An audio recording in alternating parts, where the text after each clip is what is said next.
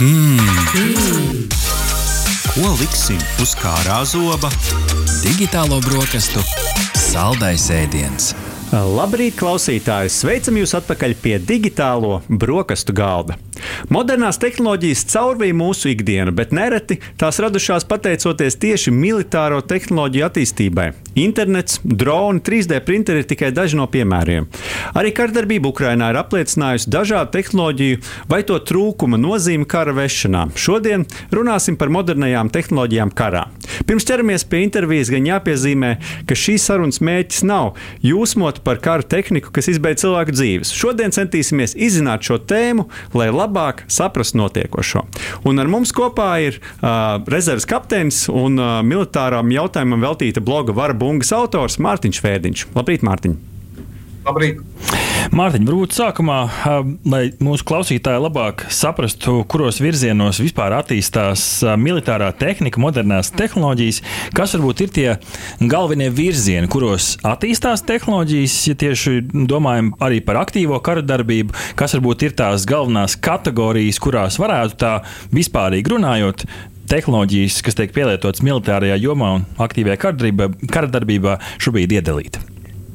Teiksim tā, ka uz šo dienu nav visas, eh, visas sfēras un visi virzieni vienādi attīstīti. Eh, bet nu, tomēr mēs varam runāt, ka tieši šobrīd, 21. Eh, gadsimtā, militārās tehnoloģijas attīstās robotizācijas virzienā, mākslīgā intelekta izmantošanas virzienā, datorizācijas visa veida virzienā. Nu, un, daļēji varētu šobrīd iezīmējās arī blockchain izmantošana, attīstās arī kiber, kiberjoma, kiberuzbrukumu, kiberieroču, kiberaizsardzība un viss, kas ar to ir saistīts. Nu, tas, principā, ir tas, kas ir uz šodienas dienas kārtībā, bet, kā jau teicu, ne visi šie virzieni attīstās vienlaicīgi, vienādā ātrumā, un ne viss vēl ir teiksim, tā, pārņemts bruņotajos spēkos, pat arī attīstītajās valstīs. Un cik nozīmīgas ir modernās tehnoloģijas tieši Krievijas iebrukumā Ukrajinā? Kāda aptuveni ir tā digitālo un analogo tehnoloģiju proporcija? Nu, jāsaka, ka uz šo dienu tas, ko mēs redzam, mēs redzam principā 20. gadsimta tehniku, kas darbojās kaujas laukā. Līdz ar to mēs varam runāt, ka drīzāk lielākoties viss notiek analogā uh, variantā, jā, bet jau ar digitālo laikmeta tehnoloģiju iestarpinājumiem, kurus var redzēt, nu, ja jūs gribat piemērus, nu, elementārākais piemērs būs tas, ka kaujas laukā tagad parādās ļoti daudz viedo ierīču, kuru, redz, kuru darbības rezultātus mēs varam redzēt informatīvajā karā. Pieņemsim tie paši vietu tālruņi, ar kuriem tiek uh, gandrīz vai teiksim, reālajā laikā tiek pārraidīta bilde no kaujas lauka. Um, daļēji šie, šie mobīlie viedierīces, viedierīces un telefoni tiek izmantoti arī, lai nodotu kaujas informāciju. Nu, tas, tas ir viens no piemēriem, kā jau tagad var teikt, ka modernās tehnoloģijas tiek izmantotas. Otrs, ko mēs varējām redzēt, kara pirmajās dienās, varētu teikt, ka tika izmantotas augstas precizitātes ieroči, Tie ir kalibra spārnotās raķetes, ja, par kuriem tika veikti Krievijas triecieni pa Ukrainas infrastruktūru. Un vēl, jāsaka, tas gan raksturīgs vairāk Ukrainas pusē, tiek izmantots diezgan plaši tā saucamie hobby droni. Šie hobby droni, neskatoties uz to, cik viņi ir primitīvi un cik viņi ir lēti un viegli un, un teiksim, tā, visiem jau pazīstami. Tos diezgan veiksmīgi var izmantot izlūkošanas veikšanai, it īpaši pilsētas kaujas apstākļos. Varbūt, ja mēs vēl paķidājam nedaudz sīkāk, no vienas puses mani kā varbūt, tādu gadgetu galvu pārsteidz tas, varbūt, ka, kā tu Mārtiņa arī raksturoji, ka tā tehnika vairāk tā 20. gadsimta līmenī. Kas varbūt tā vispārīgi runājot, ir tas iemesls, kāpēc mēs neredzam vairāk modernāku tehniku. Tas vienkārši ir naudas jautājums beig beigās, lai ieviestu tādu nu, patiešām modernu, varbūt pat uh, gluži uh, jaunāko tendenci virzītu. Vai, vai arī tas ir tas cilvēku resursu jautājums, ka Jā. vienkārši tajā armijā nav tie cilvēki gatavi izmantot tās tehnoloģijas? Nē, nu, teiksim tā, tieši jaunāko tehnoloģiju militārais pielietojums šobrīd ir pieejams pārsvarā attīstītajām valstīm. Un uh, tās valstis, kur ir mazāk attīstītas, tās joprojām karo ar 20. gadsimta ieročiem, ja, kuris, kuri ir, nu, tā, ir diezgan atpalikuši uh, kā ieroči šajā ziņā. Bet uh, jau uh, ņemot vērā to palīdzību, ko rietumi sniedz Ukrainai, ja, tad mēs varam teikt, ka uh, jaunāko pauģu pretanku ieroči, kas ir uh, šobrīd novērojami kaujas laukā, dod diezgan svarīgu pienesumu tiem uh, tai, nu, teiksim, tā, tiem militāriem panākumiem uz kaujas laukā, kurus šobrīd demonstrē Ukraiņu armija. Jā, nu tad ķeramies klāt pie tām modernām tehnoloģijām un iesim uh, soli pa solim, uh, cik šodien paspēsim. Uh, tad pirmais, pirmais jautājums ir, nu, tiešām šobrīd daudz tiek runāts par to, ka ir svarīgi kontrolēt gaisa telpu. Tāpat dzirdam arī par Ukri, Ukrainas armijas panākumiem, izmantojot kara dronus.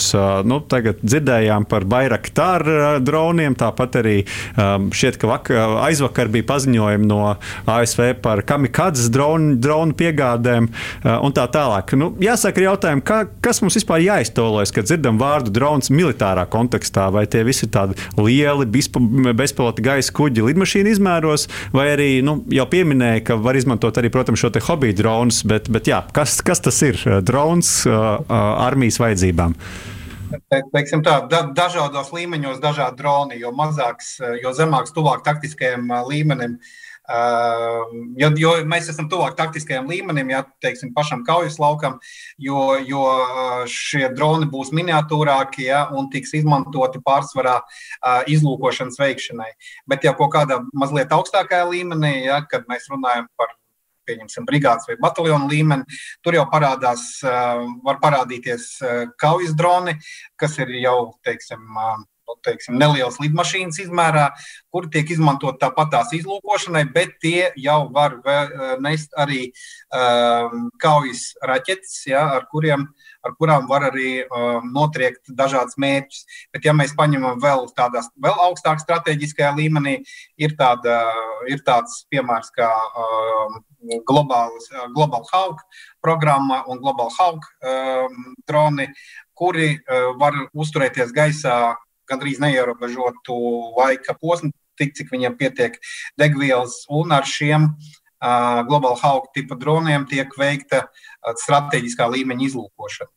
Uh, tas, nu, tā, tas ir diezgan acīm redzams izmantošanas veids, jo uh, šādas lidmašīnas var, uh, droni var atrasties gaisā diezgan ilgu laiku un uh, cirkulēt par vienu to pašu maršrutu, un tur daudz mazāk ir jārūpējas par uh, par šo dronu, nu, te, vai lidmašīnu, vai lidaparātu apkalpēm, ja tur būtu cilvēki.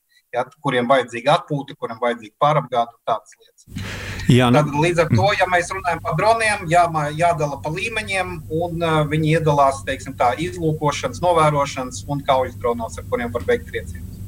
Jā, nu mēs jau izrunājām, sakot, par tiem mērķiem, kur, kur šos dronus uh, izmantot, bet uh, tieši konkrēti, kas varbūt kādi droni šobrīd Ukrainā uh, ir, ir Jā. novērojami, kas, kas tur šobrīd ir aktuāls?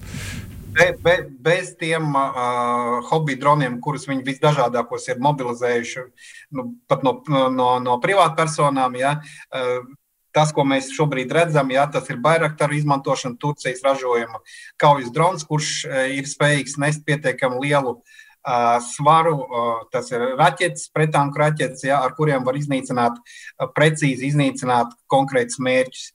Un uh, citu, tieši Ukraiņu pusē, izņemot Bairaktarus, uh, citu dronus izmantošanu mēs neredzam.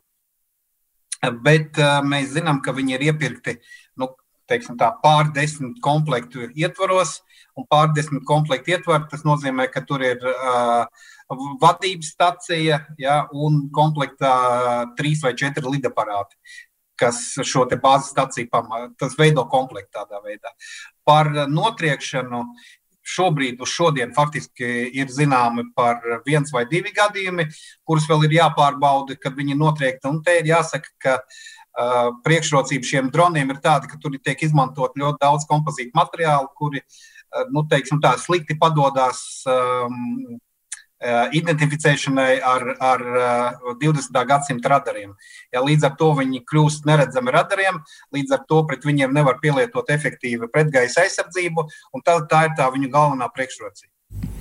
Es tieši uh, gribēju pavaicāt par to pretdarbību. Ja ir drons, tad ir pretdarbība. Nu, esam dzirdējuši to folklorizēto gadījumu par gurķu burciņu, kas Rihards starp citu beigās izrādījās tomēr marinētu tomātu burciņu. Uh, bet, nu, ja mēs runājam uh, nopietni, tad arī nu, tehnoloģija jaunumos, vismaz agrāk, kad droni ienāca, arī mēs digitālās brokastīs stāstījām par dažādiem centieniem. Tos, nu, tie jau laikam vairāk ir hobija līmeņa droni, kā pret viņiem pretdarboties. Ir dzirdēts par tīkliem, ir pat uh, komiski gadījumi, kur laikam Spānijas policija mēģināja ērgļiem, nu, tādus hobiju līmeņa dronus noteikti. Bet, protams, tur arī ir kāds speciāls ierīces, kas nu, tos signālus raida un nosēdināt. Kas, kas varbūt ir tas, kas ir novērots vēl, tu jau Mārtiņa labi pastāstīja par, par to uh, novērojumu ar tādām augstu līmeņa tehnoloģijām, vai kaut kas tiek pamanīts, ka nu, tādā vienkāršākā līmenī, praktiskā līmenī, tu pret droniem arī mēģina cīnīties abās pusēs.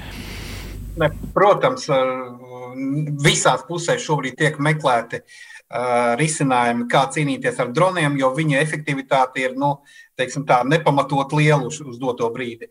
Bet uh, jāsaka, ka te ir nu, attīstās teiksim, tā, divi, divi virzieni. Viens virziens ir triekt viņus nost ar uh, diezgan elementāri, kad viņi ir redzamības attālumā ar ložmetējiem un lielgabaliem. Tas tāds primitīvākais veids, atrodot viņus tomēr debesīs un atrodot viņu vietu kur viņi atrodas, un automatizētās sistēmas, kas mēģina viņus notriekt. Tas ir viens virziens, un otrs virziens ir uh, ietekmēt un uh, teiksim, tā, traucēt šo dronu vadības sistēmu, vadības kanālu. Kurš, uh, lai nu kā, vienalga tas ir radio kanāls, viņš ir šifrēts, nešifrēts, tātad viņu atkost un pārtvert kontroli par šo vadības kanālu ir tas otrais virziens, kurā attīstās šobrīd pretdronu tehnoloģijas. Tātad viens ir viņu rupīgi sakoties, notriekt no debesīm, atrodot, bet arī ar, ar automatizētām sistēmām, jo parasti strēlnieks to, nu, viņam to ir ļoti grūti izdarīt. Un uh, otrs virziens - pārķert kanālu. Interesants, eh, interesants tēma par droniem. Vēl viena interesanta tēma, ko es gribētu nedaudz eh, uzzināt sīkāk. Mārtiņš to arī sākumā minēja par blokķēžu pielietojumu. Arī, arī kara darbībā varbūt var nedaudz sīkāk ieskicēt. Eh, blokķēdes, protams, tiek mūsdienās pielietotas ļoti dažādos veidos, bet kā tas tieši tiek pielietots militārajā jomā? Informācijas drošība. Informācijas drošības tādā veidā nodot, nodot informāciju, kuru jūs varat būt pārliecināti, ka viņa nav pārtverta, sagrozīta un ielikta atpakaļ un pasviesta jums kā dezinformācija. Tas ir viens, teiksim, tā virziens. Tad ir jā, jāsaka, nu, ja mēs atkal runājam par tām jaunām tehnoloģijām, tieši tāpatās arī militārajā jomā tiek izmantota lielo datu analīze. Uh, tas, ar, lai, tas ir, mm, tiek izmantots izlūkošanas nolūkos, ja, eh, varbūt ne gluži tādā nu, ierakuma līmenī, bet tādā augstākā līmenī. Eh, tas pats arvien vairāk ieiet apritē mākslīgais intelekts, mākslīgā intelekta tehnoloģija izmantošana, ieroču sistēmu vadībai, to pašu dronu vadībai.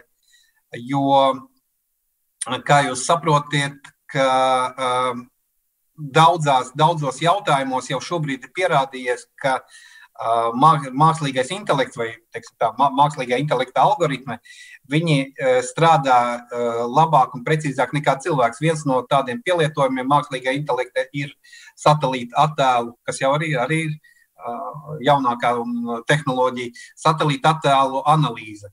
Ja, jo mākslīgais intelekts nenogurst, viņš strādā, teiksim, tā, ja viņš ir samācīts, ir pareizi, viņš strādā nekļūdīgi un daudz labāk par cilvēku spēj, eh, spēj analizēt satelīta attēlus, izlūkošanas nolūkos.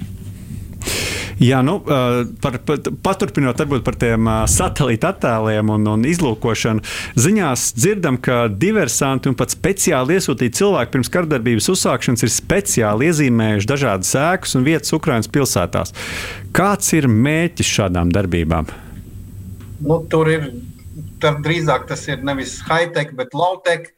Jo jāsaka, ka šobrīd nu, varbūt vēl ne līdz galam pārbaudīt šīs ziņas, bet izrādījās, ka uh, Krievijas uh, uh, satelīta navigācijas sistēma GLONASS saucamā strādā negluži tā, kā bija paredzēts, vai kā to gribētu redzēt Krievijas puse. Līdz ar to viņi ir spiesti izmantot uh, analogā, analogā laikmeta papīra kartes. Ja? Un analogā papīra karte uh, komplektā ar kompasu un cilvēku, kurš neprot uh, abus šos elementus lietot, ja parasti ir diezgan bīstama situācija. Un tie, tās atzīmes uz ceļiem, kas bija, ka, kur daudz ir pamanījuši, ja, un, un ar, ar kuriem cīnījās Ukraiņas teritoriāla aizsardzība, ir saistīti ar, navi, ar navigāciju, ar, ar um, atskaites punktiem. Noteiktās koordinātēs Krievijas karavīri meklēja atzīmi par, par konkrētām koordinātēm, ja, un tad izmantojot to kā atskaites punktu, tālāk jau orientējās, orientējās tālāk. Bet tas, ka viņiem nestrādāja tā kā vajag, viņu tā GLONAS navigācijas sistēma satelīti jā, liecina par to, ka nevienmēr jaunākās tehnoloģijas ir uzticamas pietiekami, lai uz viņiem balstītu visu operāciju.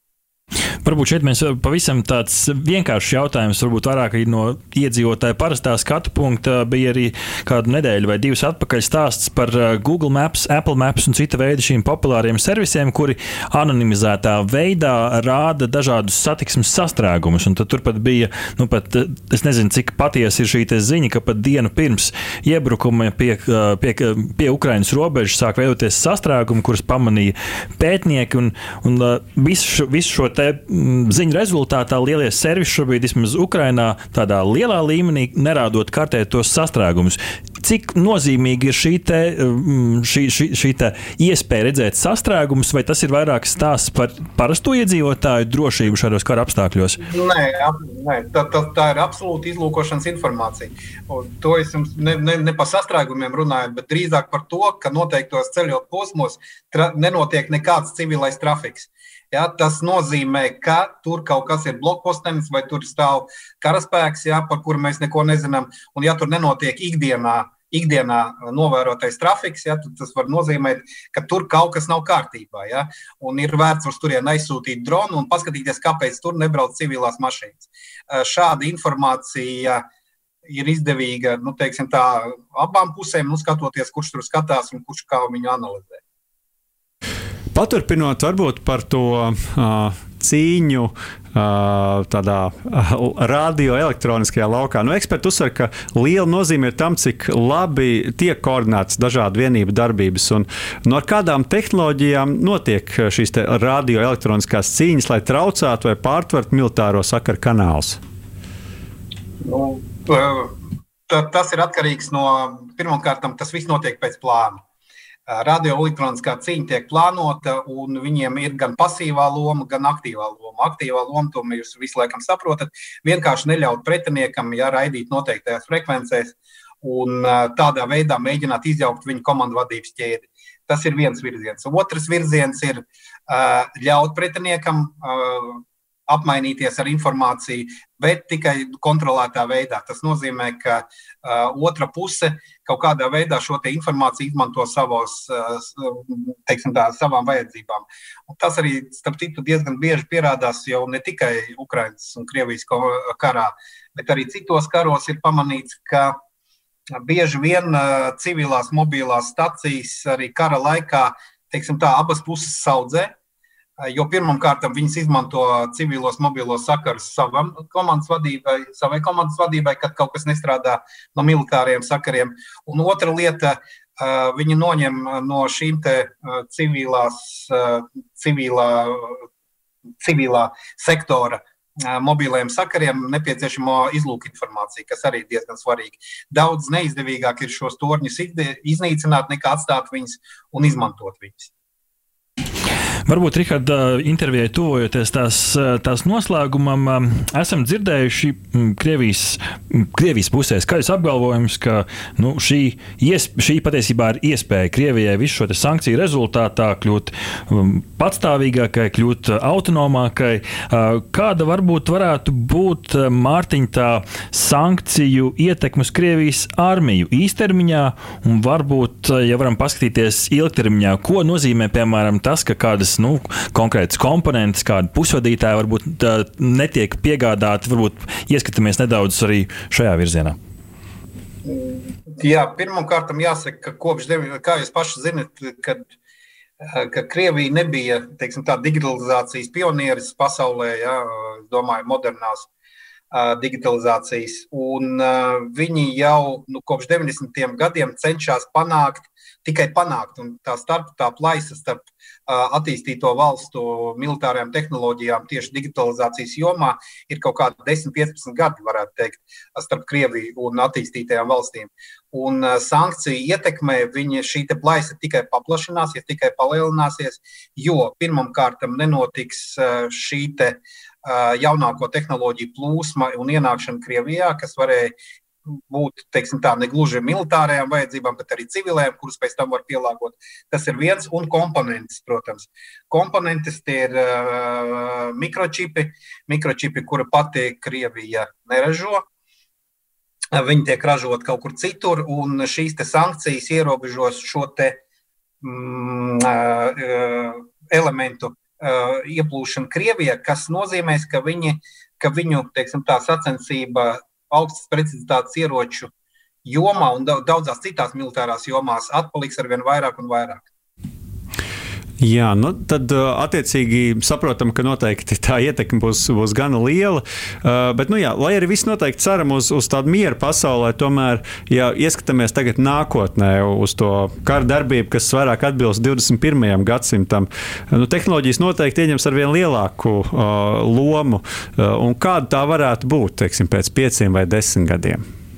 Robotizētās uh, ieroču platformas. Tas ir tāds platformas gan uh, jūrā, uh, virsūdens un zemūdens, gan gaisā. Par droniem mēs jau runājam, bet tikai viņas vadīs nevis operatori, bet mākslīgais intelekts. Un nebūs šī sakara kanāla, ja, kuru var pārtvert un, un, un, un izmantot.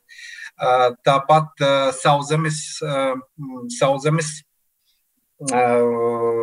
robotizētās sistēmas, platformas, kas var arī izlūkot, gan izlūkot, gan šaut, gan spridzināt, gan, gan visu, ko darīt to pašu, ko karavīrs uz kaujas lauka. Un šajā jomā tur jāskatās, varbūt, ja kādam interesē, var skatīties Igaunijas virzienā, tur ir tāda uh, Milrem robotika. Uh, kompānija, kas diezgan veiksmīgi jau ražo robotizētās uh, tieši sauszemes sistēmas, uh, Protams, kombinācija šo robotizēto sistēmu ar mākslīgo intelektu tālāko attīstību. Iespējams, mēs panāksim tādu brīdi, kad uz kaujas lauka darbosies tikai robotizētās sistēmas, ja, un cilvēki, nu, teiksim, tā samērā, būdami paši samērā droši, šīs sistēmas vadīs. Nesaku, ka tas būs uh, droši civiliedzīvotājiem, ja, bet nu, karas, kopējās militārās attīstības tendences iet tieši šajā virzienā. Izklausās, Rikārd, arī pēc tā, ka arī kopumā militārajai jomai vajadzēs daudz arī IT speciālistus, jo šīs sistēmas jau kādam beig beigās jāapkalpo vai ne. Un... Es šaubu. Jā, nu, katrā ziņā uh, mēs savulaik ziņojām, ka uh, tieši Izraels šķiet uh, mēģināja piesaistīt cilvēkus, kuri var ar uh, video, pultīm, video spēļu mm. pultīm kontrolēt dažādas ierīces arī armijas vajadzībām. Tā kā tas jau arī eksperiments viņiem bija. Es atļaušos iestarpināties, ja, tad ir, ir tie saucamie sporta droni, ja, kur, nu, jūs zināt, mm -hmm. kad uh, 3D brillēs, ja viņi tiek vadīti un tam līdzīgi. Ja. Viņi jau tika mēģināti izmantot uh, Ukraiņas-Krievijas karā, bet tas vēl bija pirms 23. 24. februāra. Tur arī tie superātrie droni, mm -hmm. ja, kas. Uh, Viņi, viņi tiek izmantoti, lai pārlidotu pozīcijas, un vajadzības gadījumā var nomest granātu vai vienkārši ievākt informāciju. Jā, nu redz, kā, kā arī tie, kas varbūt spēlē video spēles, jūs varat būt noderīgi savas valsts armijai nākotnē. Iespējams, iespējams. Es Jā. gribēju teikt, Rihard, lielu paldies uh, Mārtiņam, ka atradāt uh, laiku arī priekš mums un sniegt tādu vispārīgu ieskatu tajā, kā, kāda ir tā tehnoloģija loma. Protams, cerēsim uz to, ka mums nebūs uh, jāveido atkārtot raidījumu, lai izprastu labāk šo tehnoloģiju nozīmi, Rihard, vai ne, un, un, un attīstību. Ar Bet, mums kopā jā. bija rezerves kapteinis un uh, militāriem jautājumiem veltītā bloga Vara Bungas autors Mārtiņš Fētiņš. Paldies, Mārtiņ! Paldies, Mārtiņ! Aha! Paldies, ka noklausījāties mūsu līdz galam! Ja patika, uzspiediet laiku, atstājiet komentāru vai padalieties ar draugiem. Un nobaudiet arī citas epizodes, kā arī sekot mums, lai nepalaistu garām savu ikdienas tehnoloģiju ziņu devumu.